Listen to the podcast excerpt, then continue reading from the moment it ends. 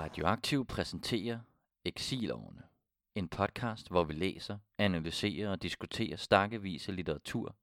Både skønlitteratur og faglitteratur kommer under lupen og udflettes for sine politiske og samfundsorienterede budskaber.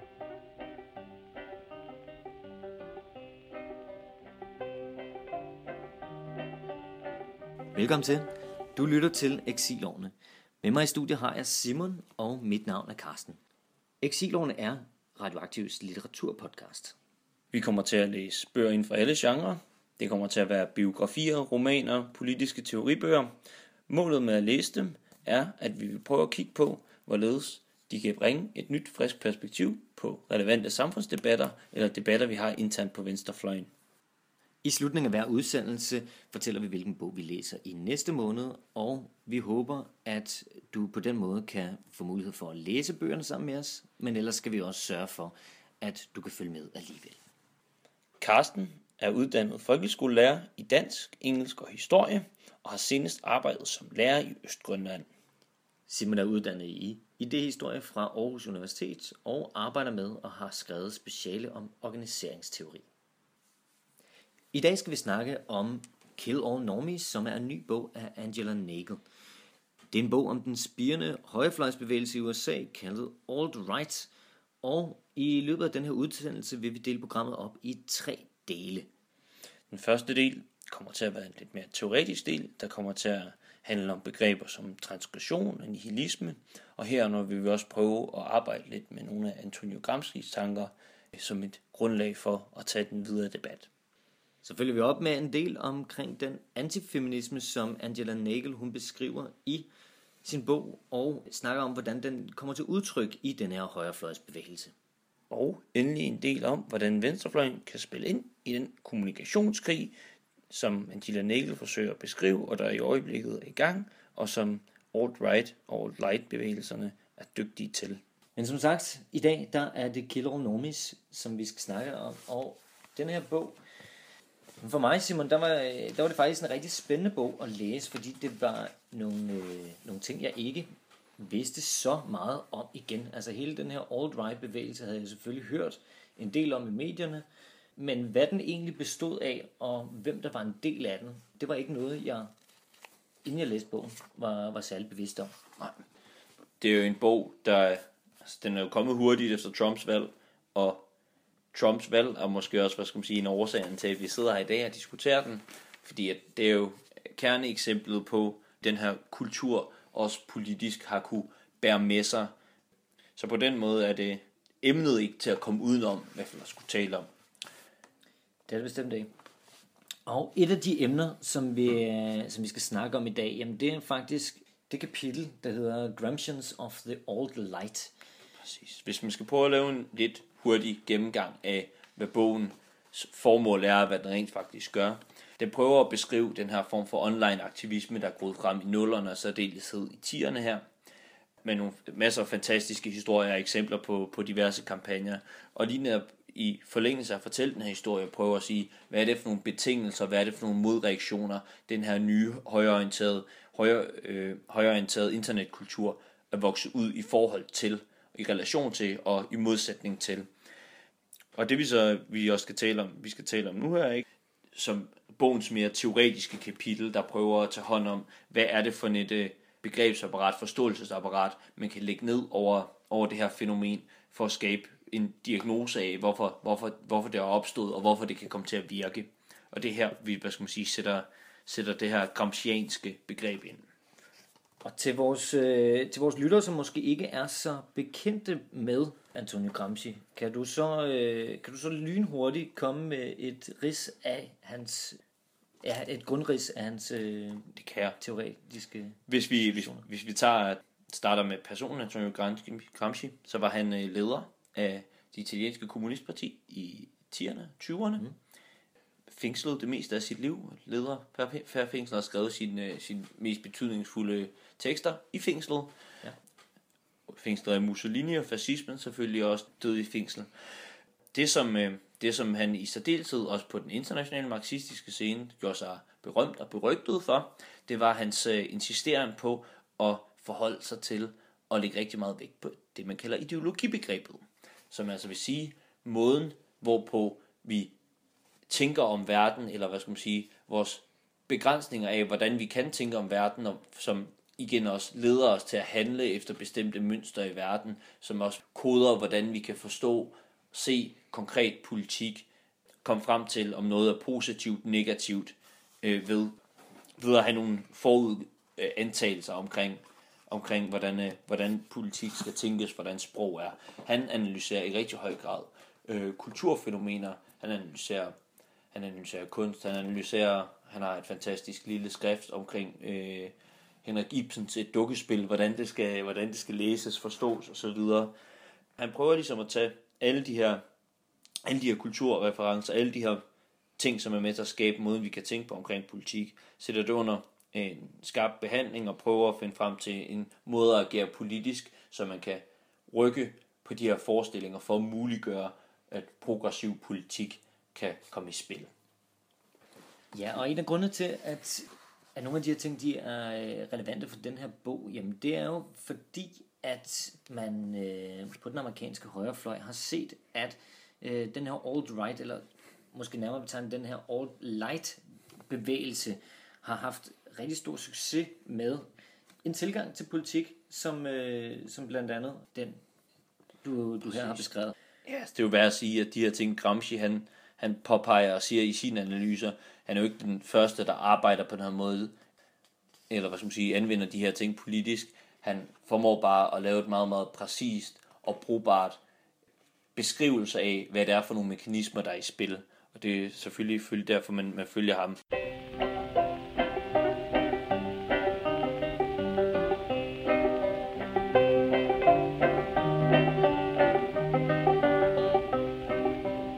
Sagt alt right og alt light. Vil du prøve at komme med nogle definitioner af, hvad forskellen er på de her to begreber? Vi kan prøve at se, om ikke, om ikke vi kan komme derhen af i hvert fald. Alt right, sådan kort fortalt, der, øh, det er en gruppering, som har meget fokus på øh, hvid identitet, og øh, har, har sådan fokus på, at der, der eksisterer en jødisk konspiration. Og i, på nogle punkter, der kan man sige, at det, det minder meget om klassiske sådan, nazistisk verdensbillede, at det simpelthen kan deles op på, på den måde. All the Light derimod øh, fokuserer på vestlig identitet. Og, øh, og der har man meget fokus på sådan, problemer med muslimer, som de mener, der er, og øh, har også en, en stor kritik af øh, den opløsning af, af sådan, kønsnormer og, og kønsroller, som, øh, som de mener, der foregår i, i øjeblikket.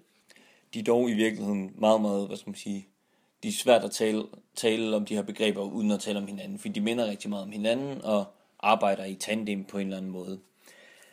Begge to er særlig, særlig aktive omkring, hvad skal man sige, online-kulturen, og det er det, der er dens primære platform. Altså, det er en form for nazisme i, i nye klæder, i smarte internetklæder øh, klæder med referencer, der for rent faktisk er lidt grænseoverskridende og sjove for mange.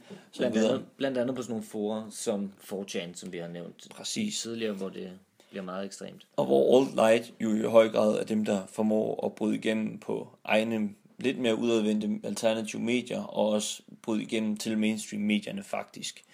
Og gøre det med en lidt anden retorik og med lidt andet fokus. Og i høj grad, så den måde, som de arbejder over light-bevægelsen, det er ikke så meget ved at falde tilbage på en, et bestemt holdning, et bestemt grundlag, som, som at være hvid eller sådan noget.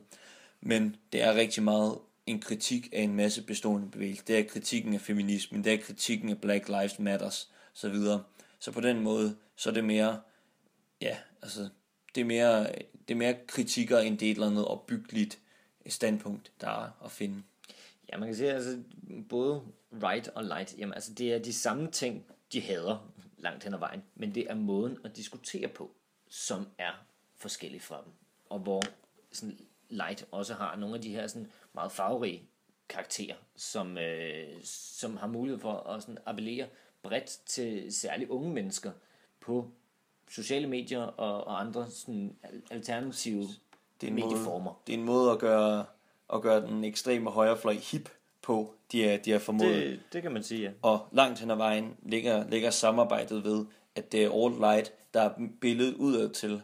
Og når det så er deres folk igennem Breitbart og så videre, der kommer ud med, kommer til ord, når de så bliver kritiseret, så ligger der en her af folk fra alt-right til at kommentere og chikanere folk, der går imod de her mennesker.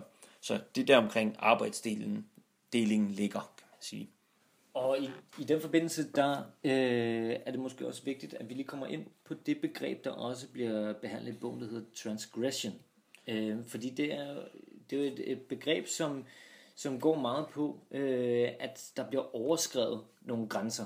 Øh, og tidligere, jamen, der har det jo også været en, en venstrefløjs ting, øh, set med historiske briller, altså hvor man i 60'erne og 70'erne med, med oprøret her, kalde på, på, på nogle nye øh, sociale samværsformer, som blandt andet også handlede om at, øh, at chokere. Altså vi så det herhjemme, hvor øh, altså de, i, i studenteroprøret, altså så sad der lige pludselig nogle studerende og røg has på trappen til, til universitetsbygningerne osv. Altså det var udtryk for en, en transgression, hvor man simpelthen går, går ud og chokerer med sin tilstedeværelse, med sin opførsel, med sin, med sine holdninger også. Præcis. Fordi det er noget, der er radikalt anderledes. Og, gør så, og på den måde, det med den effekt, det har, når det er, at man går nøgen offentligt, øh, kysser sin på, til homoseksuelle partner, mm.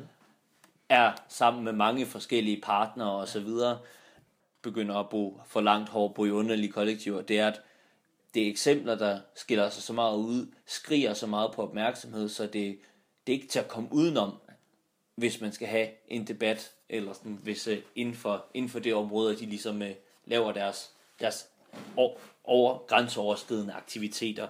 Så det er en måde ligesom at fjerne, fjerne, eller sætte en ny måde at diskutere på, sætte nogle emner, der skal overkommes. Og lige præcis måden at diskutere på, er jo noget, der er, er rigtig spændende at kigge på ved det her 4chan-netværk, eller hvad mm. vi nu skal kalde det, fora. Fordi det, det er jo netop kendetegnet ved det her, at der er, der er en udbredt sådan, nihilisme omkring foraet. At man, øh, man må simpelthen, altså alt er tilladt lige pludselig. Altså der er, det er en, en høj grad af forumets øh, fokus, jamen det er, at du skal simpelthen kunne sige alt mellem himmel og jord. Og det er faktisk også i langt hen ad vejen målet med det, altså at være så grænseoverskridende som muligt. En af konsekvenserne af det er jo så også, at øh, langt hen ad vejen, jamen, så er det minoritetsgrupper eller andre marginaliserede grupper, som de her i, i første omgang ting, der bliver gjort for sjov, at de ender med at gå ud over. Altså det er handicappede, det er kvinder, det er øh, forskellige migrantgrupper, som i forvejen er udsatte grupper i samfundet. At det er de mennesker, som der bliver gjort sjov med. Mm. Blandt andet. Og det er det, hvad skal man sige. Som ja. Og statusen er i, hvem der kan gå længst. Hvad skal man sige? Man kan sige, der er en to-tre to, tre øh, bagvedliggende begreber, der ligesom er, er i spil, og som også vi skal, vi skal snakke om. Vi skal særligt snakke om den udbredte antifeminisme, der er, der er i den her bevægelse. Vi ikke her om trans- transgressionen. Det, der jo også kendetegnet, kendetegnet den her 70'er og 60'er bevægelse, ikke? det var, at bag den her transgression, bag den her overskridelse af etableret, så var der en positiv vision. Ja. Der var en vision om at bygge noget nyt, noget solidarisk, frigøre nogle potentialer osv. Det som øh, den her alt-right, alt-light bevægelse ligesom tager videre, det er kun transkriptionsdelen. Det er ikke noget positivt og byggeligt budskab. Så det, der står tilbage, er, at påstanden også i den her bog, i høj grad en eller anden form for nihilisme. Der er en intethed, hvilket også gør, at det er en bevægelse, der er utrolig svær at angribe. Der er ikke noget, der er ikke noget decideret formål med den her ageren. Altså, der, der er ikke noget videre, på, ja, som du siger, politisk opbyggeligt. Det er, man, man agerer ikke på den her måde, fordi vi ønsker at opnå noget enkelt samlet. Øhm, men, men i høj grad, altså, så, så er det sådan en, et miskmask af forskellige ja, nihilistiske udbrud, som, som får mere, øh, mere eller mindre sådan rabiat udtryk. Og det er det, hvis man skulle smide det sidste, sidste af de her store begreber, så skal vi nok også holde os fra at akademisere det mere end, øh, end højst nødvendigt, altså, så skulle det være, at vi lige når at runde, hvad fanden det er for en demokratibegreb, der er på spil. Fordi at, hvis vi prøver at grave i det, altså så er det jo ikke fordi, at de her de er sønderligt interesseret i den demokratiske valgproces. De er ikke sønderligt store fan af Trumps politik. De er fan af Trump-figuren måske, men det, som der er demokrati for dem, og det, som der er det begreb, der ligesom er det alt overskyggende, er ytringsfrihedsbegrebet. En absolut ytrings, ytringsfrihed, altså Præcis. kendetegnet ved ingen grænser. Og det er lige netop, lige netop det, der er på spil i det her ytringsfrihedsbegreb. Den måde, man bliver hældt og bliver mest pro-ytringsfrihed, som er det højeste mål, hvis man skal finde et mål et eller andet sted, det er ved at udøve den mest ekstreme grad af transgression. Det er ved at ikke lade sig hæmme af noget. Så er man en rigtig ytringsfrihedshelt.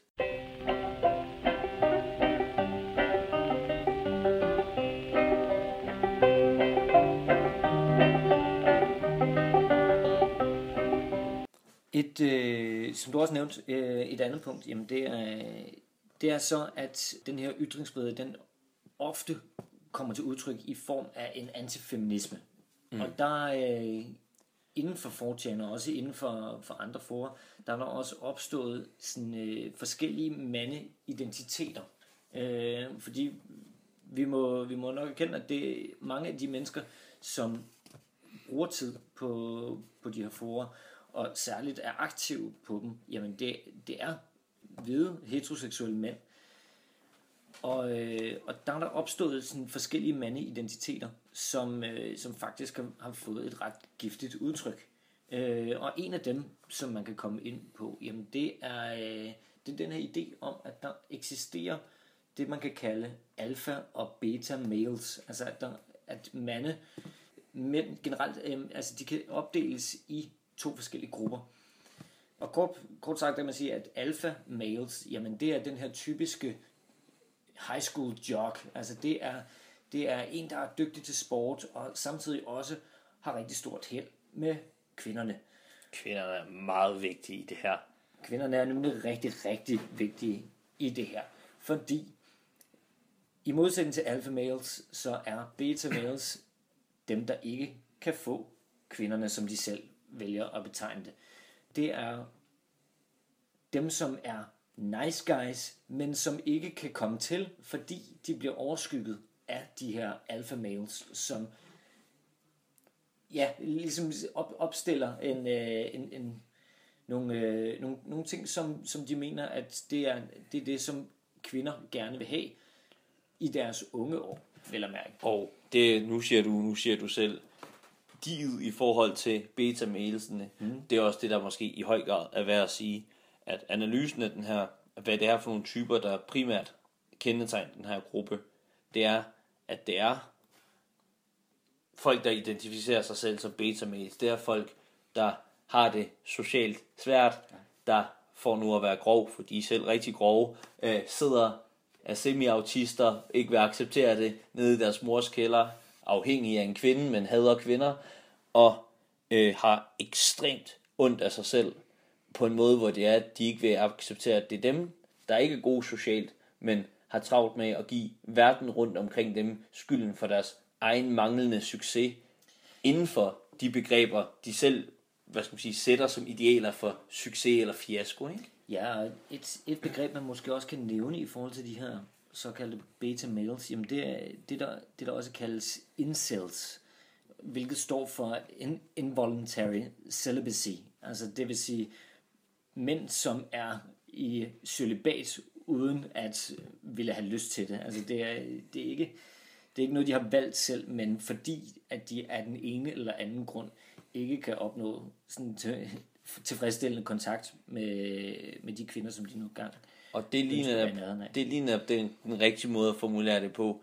De kan ikke opnå ved kvinder, Præcis. fordi i den her, i den her mandeidentitet, der er kvinden noget andet, og hun er noget, som er til for, at man kan opnå noget status. Det er noget, der er til til at definere en i den her alfa-beta Det øh, simpelthen struktur, det, som der er det er sat op. simpelthen det, du definerer dig ud fra. Præcis. Men kvindens funktion er ikke andet Nej. end det her til at kunne definere en mand. Ja, kort sagt, der kan man sige, altså hvis, hvis Meget ikke, tomt og trist mandebegreb. Absolut, absolut. Og man kan sige, at hvis, hvis ikke kvinder opfylder mænds behov, altså hvis de her mænds behov, jamen så er de sådan set værdiløse. Mm. Og så bliver de også betragtet som, hvad de selv kalder slots, eller der bliver, der bliver brugt et begreb som, at they are riding the dick carousel. Altså at de bare rider på en pikkarusel i løbet af deres unge år, og på den måde sådan, ja, vælger, øh, vælger de her nice guys fra. Som de jo selv er, de Som de her jo selv all-right beta males. betragter sig Ja. selv som. Det er, den opmærksomme lytter har jo nok allerede gættet, at de her beta males, som de selv kalder dem, altså det er jo ikke nice guys. Altså det, sådan, sådan er det jo ofte. Lidt, lidt på samme måde, øh, som når man øh, har et land, der kalder sig selv demokratisk, jamen så er det det højst sandsynligt ikke. På samme måde, øh, hvis, hvis en gut insisterer utrolig meget på at være en nice guy, jamen, så tror jeg, man kan være rimelig sikker på, at han nok har et par skeletter i skabet, eller to, som du ikke har lyst til at støde på. Angela Nagel går, øh, går ned i det her... Øh, hun, har, hun har sådan et kapitel, der hedder Entering the Manosphere. Mm-hmm.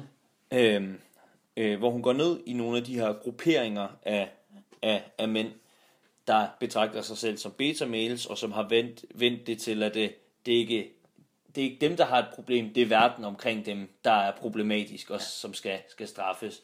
Der, øh, der gennemgår hun en lang række forskellige undergrupper og underbevægelser, dem som, øh, dem som hvad skal man sige, går i bevidst sø- celibat, fordi at kvinder er nederen, og, og når de ikke vil have dem, så fortjener de det heller ikke, og kvinder skal, skal spille en så lille rolle som muligt i mands verden.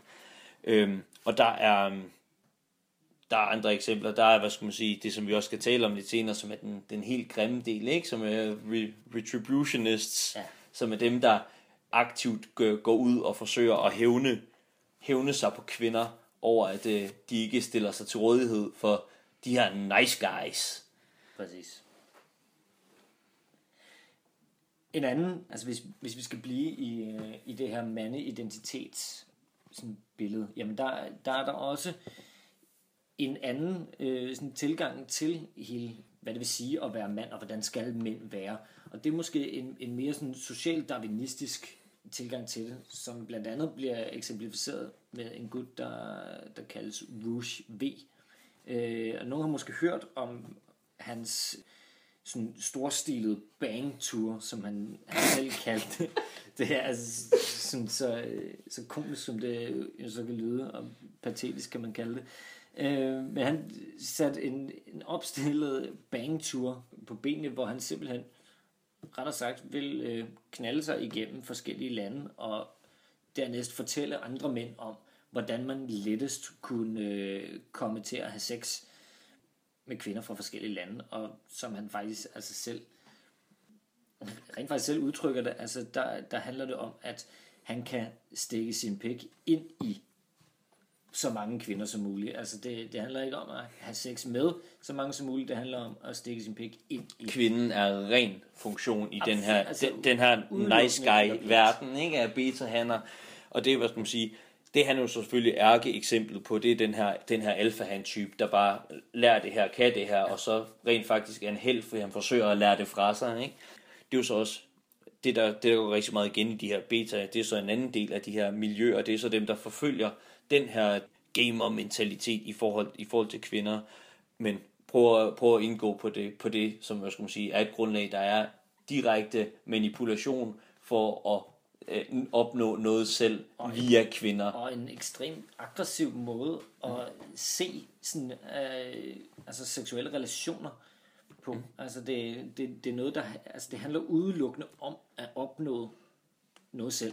Altså det er, det er den eneste sådan, ja, altså det er den eneste ting, du kan gøre det her op i, har jeg opnået noget selv. Præcis. Som, vi, som jeg også nævnte, nævnte tidligere, altså den helt hårde gruppe, og her hvor vi kan se, at, hvad skal man sige, at det her, det træder ud, altså allerede ham her, ham her Rouge, og når det bliver gjort til idealer, at man skal køre på sådan en bestemt manipulerende ting for at opnå mm. noget hos kvinder, ikke? Øh, men det, det, hvor den går helt ud i overdrevet, altså det her, det er overdrevet, men sådan, det mest sindssyge eksempel, det her Elliot Rogers eksempel, som, som øh, Angela Nagel øh, kommer med i, i bogen også. Ja som er den store retribution bevægelse, hvor man tager ud og hævner sig på kvinder på en ja, altså, mere krigerisk måde. Ja, lige præcis. Altså selve, selve Elliot Rogers eksempel, altså det, det er jo en, det er en ung mand, som, som betragter sig selv som sådan en beta-male. Og han skriver nærmest ikke et, ikke et manifest, men, men nærmest en, en, en afskeds øh, salut til sin bekendte på 4 hvor han skriver, at nu tager jeg ud på et af de her øh, sororities, hvor der er mange af, af de kvinder, som han godt kunne tænke sig at opnå kontakt med, og, og simpelthen vil tage hævn over, at de ikke ønsker at have den kontakt med ham, som han godt kunne tænke sig. Øh, og han, han ender simpelthen med at tage ud til, til sådan en studenterforening, forsøge at komme ind. Det lykkes så ikke i første omgang, men han ender med at, øh, at gå sådan full rampage på, øh, på folk omkring studenterforeningen, og, og ender med at slå en, en række mennesker ihjel, som en form for hævn over, at han ikke kan få det i verden, som han synes tilkommer ham, fordi han er en nice guy, som burde øh, ja, få opfyldt øh, de behov, som han nu synes, han, øh, han skal have opfyldt. Og det er jo, altså det er jo et, det, det er fuldstændig ekstreme tilfælde, hvor, hvor, det, hvor det kommer til en, en massakre. Men det, der er rigtig interessant ved sådan en ting, jamen det er, at det faktisk går hen og bliver hyldet. Altså det, på 4chan, jamen der blandt de her altså følgere, som, som har samme tankegang, jamen der bliver det kaldt, altså The Beta Revolution, eller The Beta Uprising, at sådan, hvor det er, nu kommer betaernes hævn over den verden, som er fornedrende over for dem, og som, som ikke sådan, giver dem deres retmæssige sådan, øh, ja, plads og, og det, der tilkommer dem. Hvis vi skal analysere Trump lynhurtigt i forhold til det her, altså, så er han måske i høj grad en, øh, en sådan Rouge V type, bare inden for økonomi og politik. En, der har der tjener kassen, en, der er sammen med en masse kvinder, siger nogle groteske ting, og øh, slipper afsted med det. Han er, jo ikke, han er jo ikke noget indhold. Han er ikke andet end bare sådan en ren mand, øh, forstået på den der helt primitive måde, at mand er noget med at få ting, det er noget med at få rigdom, det er noget med at få adgang til kvinder, og så har han så også fået adgang til magt uden noget synderlig substans. Så på en eller anden måde, så er han jo gjort til et ikon for, for den her bevægelse. Han er alt det, man gerne vil opnå i, i en identitet, der kun er sådan en eller anden maskulinitets mandeidentitet. Og et eksempel på det er faktisk den her Rose V, der øh, som i et blogindlæg faktisk altså kommer med en, øh, en, en, øh, en forestilling, der, der hedder sådan, at bør vi i virkeligheden fremover sådan vurdere kvinder efter en skala, der hedder Would Trump Bang? Altså, er, det, er kvinden attraktiv nok til, at Trump vil have sex med hende? Han er et billede, der er bundet helt ind i den her mande-identitetsstruktur, ikke? For, for, for nogle af dem her, jamen så bliver han sådan det ultimative billede på, hvad man som mand kan opnå ved en manipulativ, aggressiv sådan adfærd og, og sådan måde at være på. Han er idealet han, simpelthen, han er ikke? simpelthen idealet på, hvad man kan opnå, hvis man er aggressiv og manipulativ nok. Hvis vi skal prøve at binde en, en hæl på det hele og sige, nu har vi sagt, øh, hvorfor fanden sidder vi og fortæller om en eller anden, der tager ud og skyder en masse kvinder, fordi han hader dem, og hvad fanden har det at gøre med, at øh, Milo Janopoulos øh, kalder mm. feminisme for cancer og det hele, og så videre. Jeg tror, det der, det der er vigtigt at sige, det der går igen, det er, at selvfølgelig så udtryksformerne afgørende anderledes, men det der går igen, det er, at der er en grundforståelse. Der er en grundforståelse, der åbenbart er overraskende dyb i den amerikanske, og sikkert også i hele den vestlige befolkning. Jeg tror, at den her, den her mande, helt tomme mandeforestilling, den er, den er så nem og så givet, også bare igennem historien. Ikke? Så den er, den, er, den, er, den er simpelthen for nem at bruge og for nem at falde tilbage på, og jeg tror, at folk føler den, føler den rigtig meget så hvad skal man sige, det er, en, det er den samme måde at tænke tingene på, der slår sig ud i forskellige absurde udtryksformer. Og det er det, der er så beskæmmende ved det her, det er, hvad skal man sige, at der er faktisk på en eller anden måde en, en fælles tråd imellem, øh, imellem de her retributionists, Trump, V-Rush og folk, der generelt har den her tankegang omkring alfa-beta-hanner og kvinder som, hvad skal man sige, værende objekter for at de skal opnå en status i virkeligheden over for andre mænd. Ja, man kan sige, altså, altså der, der er mange forskellige sådan, måder at anskue det her på, men, men det, som netop er fælles for dem, jamen det er den her øh, anskuelse af kvinden som værende noget tingsliggjort. Altså mm. det, er en, det er et objekt, som du bruger efter for godt befindende. Altså det er, det er noget, som du udelukkende... Altså kvinder eksisterer kun for, at mænd skal føle sig værdifulde, når de kan få fat i dem. Præcis. At det er den øh, funktion, de, de har i, i den her forståelse af verden.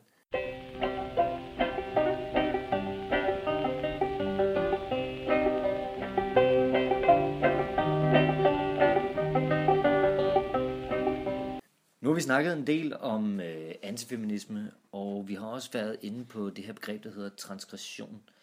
Her i tredje del, der skal vi øh, tage lidt fat på en karakter, der hedder Milo Janopoulos, som vi vel nærmest kan kalde en transgressionskonge fra højrefløjen i USA. Præcis. Han er på mange måder øh, det ultimative eksempel på, øh, på en succesfuld figur på inden for alt-right-bevægelsen. Han er i virkeligheden en britisk ung herre, homoseksuel, det gør han selv meget ud af, og også som, som en del af at gøre op med at være noget andet end den her klassiske højrefløj. Det handler meget om at være ung, hip, smart i replikken for sig selv øh, i scenesat på en, på en anden måde, end vi kender, kender højrefløjen. Ja, og så på den måde få, få adgang til øh, nogle mainstream medier ved at bruge nogle alternative medier. Han er, han er meget aktiv på de sociale platforme, som, som unge også bevæger sig på.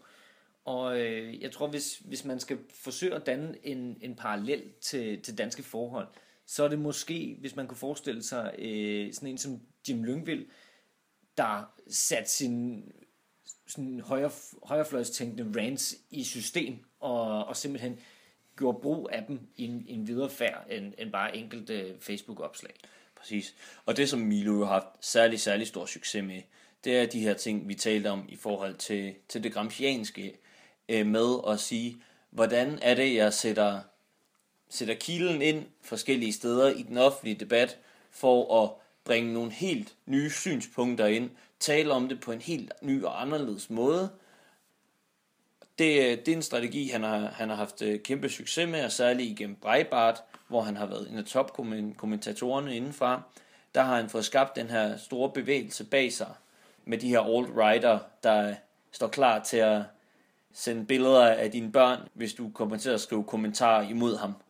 Og vi skal måske også lige nævne, at Breitbart er et af de største alternative medier fra højrefløjen i USA, som øh, får utrolig meget opmærksomhed, også i, i de mere mainstream medier. Præcis, og det er jo det, der ligger et kæmpe interessant debat, som vi bliver nødt til at tage på venstrefløjen, og sikkert også mange steder er i gang med, men vi begynder at finde ud af, hvordan vi skal, vi skal handle på. Fordi det, der i hvert fald har været, han har haft succes med her, det er, og det er jo ikke, ikke kun ham, det er, han er et bare kongs eksempel fra den her bevægelse, der, der arbejder på en, på en ny måde med medier.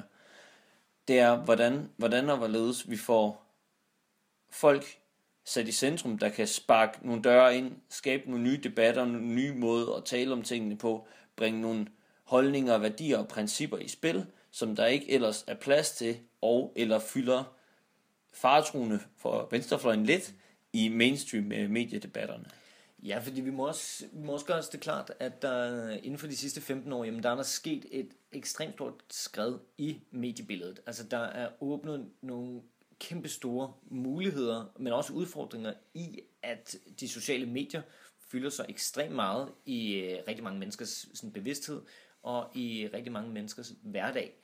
Det er, det er gået fra, at, at folk de, de sådan fik deres nyheder fra, fra tv og, og aviser til, at mange mennesker den dag i dag får alle deres øh, nyheder på de sociale medier. Altså der er det øh, ved at kigge på Facebook eller på Twitter, at man, øh, man simpelthen får sin indtryk. Og den del, den del af det er jo selvfølgelig en, en pointe, der efterhånden er, er klar for rigtig mange mennesker. Spørgsmålet er, hvordan man, hvad skal man sige, som venstrefløj intervenerer i det og bruger det. Og der, der har det måske stået lidt svagt til med svar. Og det vi kan se jo i hvert fald, det er, at højrefløjen har, har formået at bruge de her platforme og skabe nogle, hvad skal man sige, nogle personligheder, nogle kendistyper, som det gør, at folk, folk følger, og folk får informationer øh, fra, og kigger til for, for at få værdier og holdninger til forskellige spørgsmål, og også for til at blive underholdt, virker det til. Mm. Jamen bestemt. Men, men spørgsmålet er så også bare, altså, de karakterer, som, som vi har på, på venstrefløjen i dag, øh, særligt her i Danmark, altså, er, vil du sige, altså, er, er det transgressivt nok, det der foregår? Altså, øh, eller hvor, hvor står vi henne i, i den debat? Altså, min, min umiddelbare vurdering er, at vi på ingen måder er transgressive, i hvert fald ikke på de mainstream medier. Og hvis vi taler omkring alternative medier, så er det ikke rigtig for alvor noget, der bliver sat brug i. Hvis vi kigger på, hvordan vi arbejder inden for de mainstream medier, her er det måske særdeleshed enhedslisten, jeg, jeg tænker på, så synes jeg, det virker til, at, at der, er en, der er en strategi, der hedder, at øh, vi vil gerne komme ud med vores øh, rigtige, rigtige holdninger og rigtige værdier, men vi vil gøre det inden for den allerede givet forståelsesramme. Vi vil ikke sørge for, at der er nogen, der får kaffen galt i halsen, når vi udtaler os om et politisk emne. Vi udfordrer ikke rigtig nogen forestillingsevne, øh, men vi prøver at vende argumentet inden for de rammer, der nu engang er givet os, i stedet for at prøve at tage en kamp om at få lov at sætte rammerne for, hvordan vi tager en debat. Og det er måske netop problemet, at folk de ikke får kaffen galt i halsen over det, der for eksempel kommer fra enhedslisten eller fra den brede venstrefløj generelt. Det er, det er simpelthen blevet, blevet sådan et, et mismask af sådan lidt for pæne, defensive udmeldinger, der kommer. Det tror jeg der er vejen, du har fuldstændig ret i. Og det er jo ikke, fordi udmeldingerne er forkert, men hvis vi skal lave de der manøvrer, som for eksempel Dansk Folkeparti har været mesterlige til, så skal vi også komme til at sørge for, at der er nogen, der får kaffen galt halsen. Vi skal skubbe nogle mennesker væk, i hvert fald i første omgang, hvis vi skal begynde at skabe en helt ny måde at tænke værdier og tænke i, hvordan man taler og tænker politik, for at, som spiller bedre sammen med, hvad det er for nogle konkrete politikker, vi gerne vil have igennem. Et spørgsmål, der, der jeg også synes er relevant her, jamen det er jo så også, hvor det her det skal foregå. Altså der, jeg, jeg synes, der hele tiden ligger en, en debat, der hedder mainstream medier kontra alternative medier. Tidligere, der har der været sådan noget som for eksempel modkraft, som har, har givet rum til, til nogle forskellige diskussioner. Der er mange, der savner den dag i dag. Der er også nogen, der mener, at tiden simpelthen løb fra det. Men vi må også være, altså være bevidste omkring, at det er, det er i hvert fald et medie, som forsvandt, og som ikke umiddelbart blev, øh, blev erstattet af noget andet. Og det tror jeg, du det er jo fuldstændig ret i, at når vi sidder og har den her snak om at få kaffen galt i halsen, så er det fordi, vi stadigvæk taler ind i den her, vi ser alle sammen Godmorgen Danmark medievirkelighed. Og nok også fordi, at det er der, vi, vi jo for tiden er. Vi skal selvfølgelig, den skal vi selvfølgelig rykke, men en anden måde, og gøre det lettere måske, at rykke den der, rykke den der debat i mainstream-medierne, det er jo også at have nogle ting rundt omkring. Og om det så skal være modkraft, eller hvad det skal være, det synes jeg er en helt separat diskussion. Men det er jo i hvert fald det, den her, den her alt-right og alt-light bevægelse har vist. De har været ekstremt gode til at lave deres egne kanaler, deres egne medier, sørge for, eller sørge for, at det er den her person, man på en eller anden måde opsøger for at få sine holdninger fra. Og nu kan man sige, at i forhold til alternative medier, jamen, så er vi jo faktisk selv her på kanalen et alternativt medie. Vi, er, vi vil jo egentlig gerne være, være en del af det her skrevet i, hvordan vi tænker medier på venstrefløjen. Og vi måske også gerne være nogle af dem, der er lidt frække. Folk behøver ikke nødvendigvis at have os, men vi vil da håbe på, at vi i løbet af den her podcast-række måske også kan få folk til at få kaffen lidt galt i halsen. Det vil i hvert fald nok være forstyrrende, hvis, øh, hvis alle folk, der lytter til det her, bare synes, det er livet og landevejen er lige til, og selvfølgelig er man da enig med de to nydelige unge herrer, der sidder og taler for en. Men jeg tror, en, en, en, sidste, en sidste pointe i forhold til, til hvordan, hvordan er var ledes, men, men rykker det her, altså, det er jo igen, for at vende tilbage til den danske kontekst også, altså, det er jo det her, som Dansk Folkeparti har mestret i forhold til det her med at bruge, kalder man det, prøveballoner. Mm. Og rent faktisk melde ting ud, hvor det er, at den pænere del af Danmark får kaffen fuldstændig gal i halsen, når det bliver udtalt omkring noget med, hvad danskhed er, eller noget omkring udlændinge. For så bagefter at gå ud og Og trække i land. Ja, præcis, ikke? Men han har formået virkelig, virkelig at rykke på alle de her værdidebatter ved at lave de der manøvrer gang på gang på gang. Og hver gang, så er der nogen, der har råbt og skrevet, og det har vi gjort, særligt fra venstrefløjen, at det her det er sygt, og det er uanstændigt, det her det kan man ikke. Men med tiden, altså har vi, ja, som du siger igen, det er dem, der har lavet transgressionen. Vi har så reageret på den, prøvet at forsvare status quo i, hvordan man tager debatten. Og det, det, det er en sjov, sjov ting at tænke over, hvordan man kan, på en eller anden måde kan vende den, og hvad der skal til. Om det er, at vi skal til at have, have nogle semigalninge i baglandet, der får lov til at flyve op, og så kan vi sige, det er ikke helt det, som enhedslisten for eksempel mener. Men på en eller anden måde, hvis man kan strukturere og tænke over sådan nogle ting, kunne da være, være spændende at dykke ned i. Men en vigtig pointe er jo så også, at vi som venstrefløj ikke skal have det at være transgressiv som enkeltstående mål. Altså det må ikke være et mål i sig selv, bare at være grænseoverskridende og, og gå ud og sige nogle ting, som kan få folk til at få kaffen galt i halsen. Vi må altid sørge for, at der ligger et positivt projekt bag.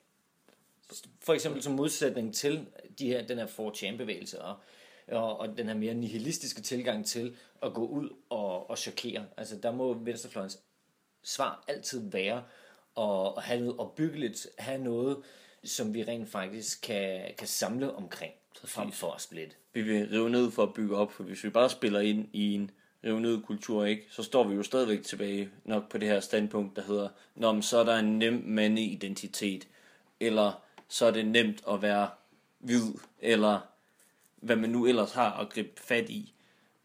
Så på den måde, så, det, så, så tror jeg, du har fuldstændig ret i, at den måde, vi skal være transgressiv, det skal være med blik for at gøre plads til noget andet. Og det projekt, det er så, det er så noget, vi skal beskrive. Og det, det er jeg sgu ikke sikker på, at øh, jeg lige kan se, hvad, hvad og hvor det, det projekt er beskrevet. Nej, det er måske også svært at, at finde en konkret eksempel på, hvor, hvor, det, hvor det sker lige nu. Men det er, vi kan sagtens blive enige om, at det er, det er noget, som vi som venstrefløj bør tage fat i, og, og i hvert fald bør have en mente, når vi diskuterer om måden, vi kommer ud med vores ting på. I, det er jo så særligt i de mainstream medier, som, som, hvor vi nu engang får, får taletid. Præcis. Men det er jo det, altså. Og det kræver selvfølgelig også, at vi selv internt på venstrefløjen, for at kunne lave den her manøvre, tager en snak om, har vi en eller anden retning i, hvad det er for en anden type økonomi, hvad det er en anden, for en anden type arbejdsmarked, øh, måde at identificere sig øh, positivt på. Ja, i det klassiske forstand var det jo i forbindelse med ens klasse. Hvis det er, at vi selvfølgelig kommer ud af den her forestilling om sammenbrud, så skal vi jo så skal vi så også bare have en, have en fortælling klar i, hvordan det så er, men laver en, en identitet, vi også kan bruge som venstrefløj, og som hænger sammen med vores formål. Så derfor så bliver det jo selvfølgelig en transgression for, som du siger, noget opbyggeligt for vores projekt. Vi skal lave en transgression, der skal føre frem til noget. Ellers så bliver det bliver vi også bare nihilistefælder. Vi skal jo ikke bare efterligne de højreorienterede, fordi de har succes. Nej, det må, det må altid være, øh, vi må altid stille vores, vores, egne, vores egne krav og, øh, og stille krav til os selv om altid at have et positivt mål, og, som vi arbejder hen imod, frem for at, at rive ned for sådan ødelæggelsens skyld. Præcis. Det, det, det peger også ind til en lidt mere, hvad skal man sige, sådan større filosofisk diskussion, eller sådan, men, men alligevel meget, meget, meget reel og brugbar. Altså hvis man bare tænker i, at vores projekt er at rive, rive noget bestående ned, overkomme nogle ting, men man lige netop ikke prøver at sætte noget nyt ind i stedet for, så e- efterlader man bare en fri plads til dem, der råber højst, der kommer ind og fylder, ikke? Og man kommer i høj grad også til at stille sig selv i defensiven. Altså man kommer til at stå i en situation, hvor at det, det hvor man får taltid, jamen det er, når vi er imod noget. Det er ikke, når vi er for noget. Det er, vi er imod, det kan være nedskæringer, det kan være øh, sådan forskellige øh, overgreb på, øh, på arbejderklassen forskellige steder rundt omkring i verden. Men det, det stiller os i en situation, hvor det aldrig er, hvor vil vi hen? Hvad er det, vi gerne vil skabe? Og hvorfor er det, vi skal herhen? Og det tror jeg, den, den pointe tror jeg også leder meget, meget fint til sammen til det, vi så talte om lidt før med det der med både alternative medier over for mainstream medier. Måske, altså vi har nok brug for begge platforme, vi har nok brug for de her alternative medier, hvor vi snakker sammen, snakker sammen har de her debatter, hvor der kommer nogle forsøg på at formulere de her positive projekter. Så det er den overskridelse, vi sidder og gør af de almene etablerede normer og den borgerlighed, der er i landet, ikke? at, at vi på den anden side har brugt de alternative medier til, at der faktisk står nogle budskaber klar, og som vi måske også føler, at vi på et tidspunkt bliver modne og sikre nok i, til vi tør at drage det ind i en mainstream debat. Ja, man kan sige, et, øh, et af de alternative medier, som jo tidligere fik plads også i de mere mainstream medier, det var også noget som modkraft, som nu er lukket. Og øh, det kan man mene om, hvad man vil. Altså, var tiden løbet fra det? Kunne vi finde på noget andet? Eller øh, er det simpelthen et medie, som er, er manglende på venstrefløjen den dag i dag? Men det var i hvert fald et medie, som fra tid til anden blev, blev citeret i mere sådan etablerede mainstream medier. Og, øh, og det er noget, som vi jo godt kan, kan tænke frem imod og skulle etablere i en eller anden grad mm. igen Ja, fra venstrefløjens side. og det er jo så, ja, det er så en helt separat diskussion, om det hedder modkraft igen, eller det er noget andet, der er behov for nu, men helt sikkert det der med nye medier, og jeg synes også, synes også vi kan se, vi ved, at den, den portugisiske venstrefløj ja. har jo haft kæmpestor, øh, kæmpestor, eller en grad af succes i hvert fald med at have som et af sine hovedformål at etablere sig selv som, hvad skal man sige, være et, et medie, der forvandler og formidler politik og information. Det synes jeg helt sikkert er noget, man bør kigge på og snakke noget mere om i venstrefløjen. Drage nogle, drage nogle erfaringer af.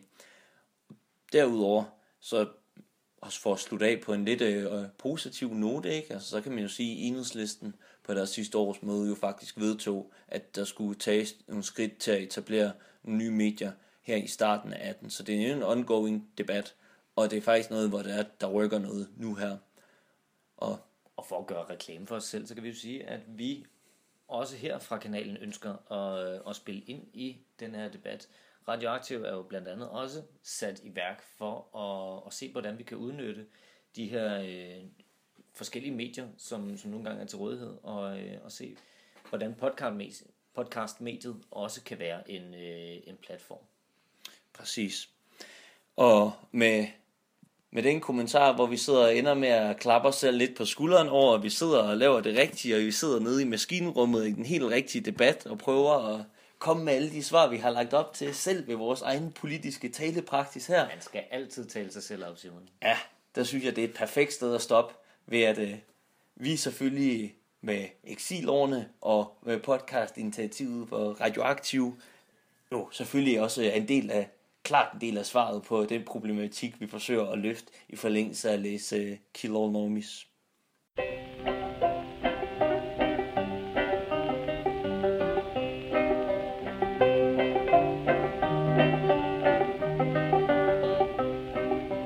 Inden vi slutter helt for i dag, Simon, så skal vi jo have givet øh, Angela Nagels bog Kill karakter. Karakterer. Og måden vi gør det her i programmet, jamen det er ved at fortælle, hvor mange eksilår fra en skala fra 1 til 5, du vil bruge på at læse den her bog. Det er et godt spørgsmål. Det er et godt spørgsmål. Jeg synes, den er ekstremt sjov, velskrevet og ja, altså meget, meget rele- relevant og også sendt ud, hvad skal man sige, i, i højtiden af, hvad den selv kommenterer på.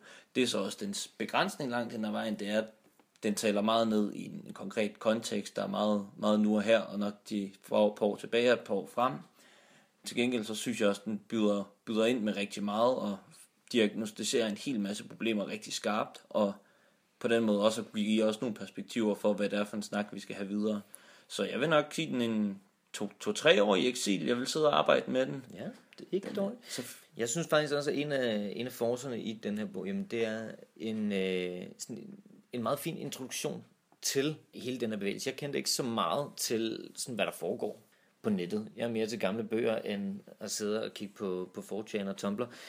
Øh, og der synes jeg, at, øh, at det gav mig et rigtig godt billede af, sådan, hvad, hvor kommer den her sådan kultur fra? Hvad er det for nogle mennesker? Hvor, øh, hvad udspringer den af? Så jeg tror også, at øh, jeg vil give den tre. Eksilår kunne jeg godt finde på at bruge på, øh, på at læse den bog her. Fantastisk.